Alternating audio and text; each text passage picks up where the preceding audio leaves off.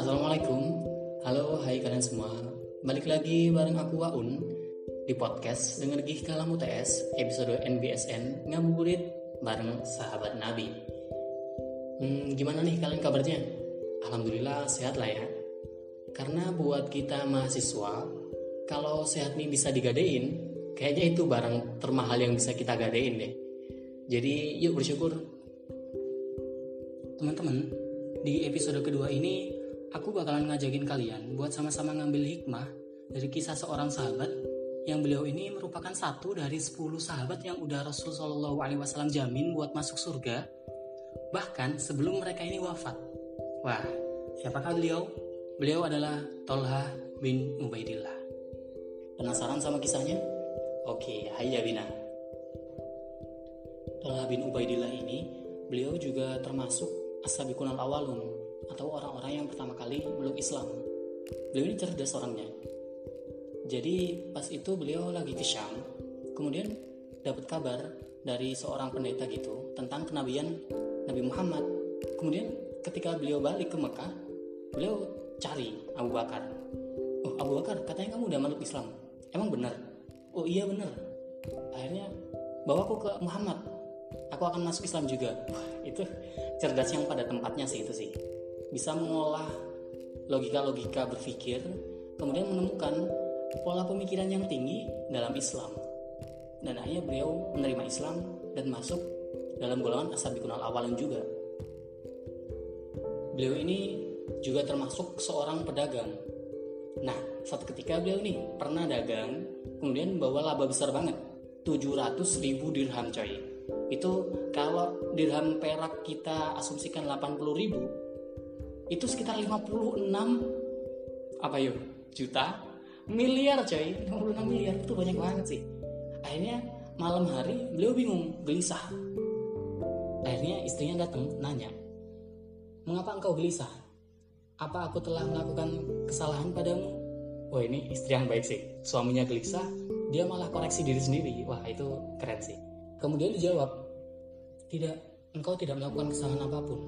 Tapi memang ada yang mengganggu pikiranku. Pikiran seorang hamba yang tak tenang ingin memejamkan mata sedang ada harta bertumpuk di rumahnya. Mengapa engkau sampai risau seperti itu? Bukankah banyak yang membutuhkan pertolonganmu? Besok pagi engkau bagikan saja uang itu kepada orang yang membutuhkan. Oh, itu kalau orang biasa dihadapin sama 56 miliar apalagi istrinya waduh. Langsung hijau matanya coy. Langsung ingin belanja tapi ini enggak. Dibelanjakan juga tapi di jalan Allah. Itu kerennya keluarga mereka. Kemudian suaminya jawab semoga Allah merahmatimu. Sungguh engkau wanita yang mendapat taufik Allah. Wih romantis kan? Iya dari kisah Tolha bin ini yang paling terkenal itu pas perang Uhud teman-teman. Kalian masih ingat perang Uhud ketika Islam di comeback sama kafir saat pemanah di bukit pada lari Nah itu dia. Saat itu kondisi tentara muslim kocar kacir lah. Sehingga sahabat-sahabat yang di dekat Rasul cuman tinggal 12 orang. Talha bin Ubaidillah satu sama 11 orang Ansor. Dan saat itu kondisi Nabi Muhammad udah luka-luka deh.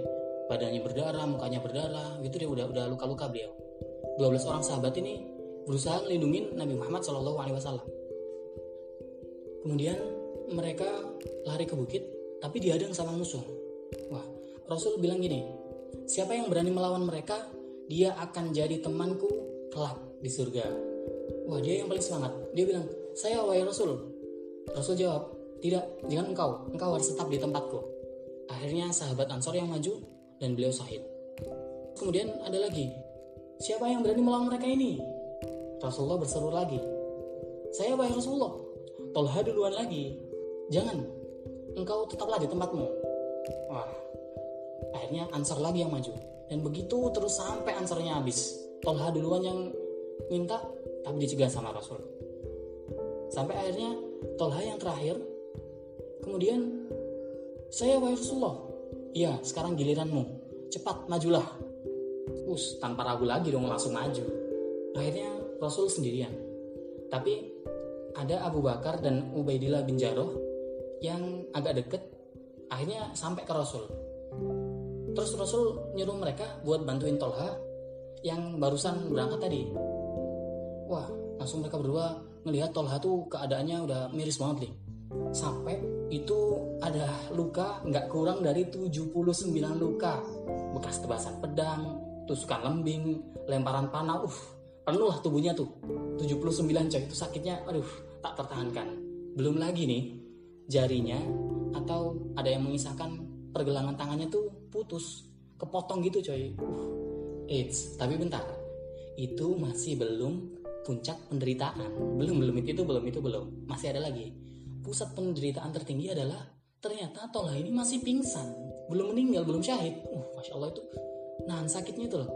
Semangat hidupnya itu tinggi banget coy. Uh. Kenapa beliau bisa begitu karena mungkin beliau merasa bersalah ya karena di perang badar sebelumnya beliau nggak ikut.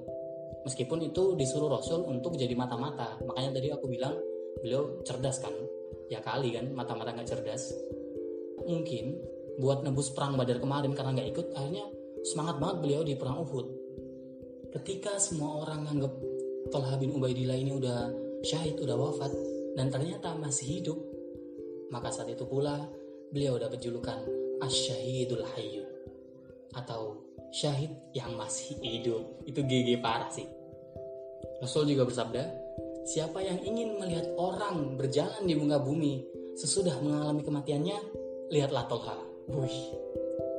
Jadi teman-teman, bisa kita ambil hikmah bahwa hidup itu perlu banget dan harus diperjuangin. Bahkan ketika kita udah ngerasa mau mati nih, udah di ujung kematian nih, udah berjuang, berjuang, berjuang. Sandarkan semua harapan kita ke Allah. Beliau ini orang soleh.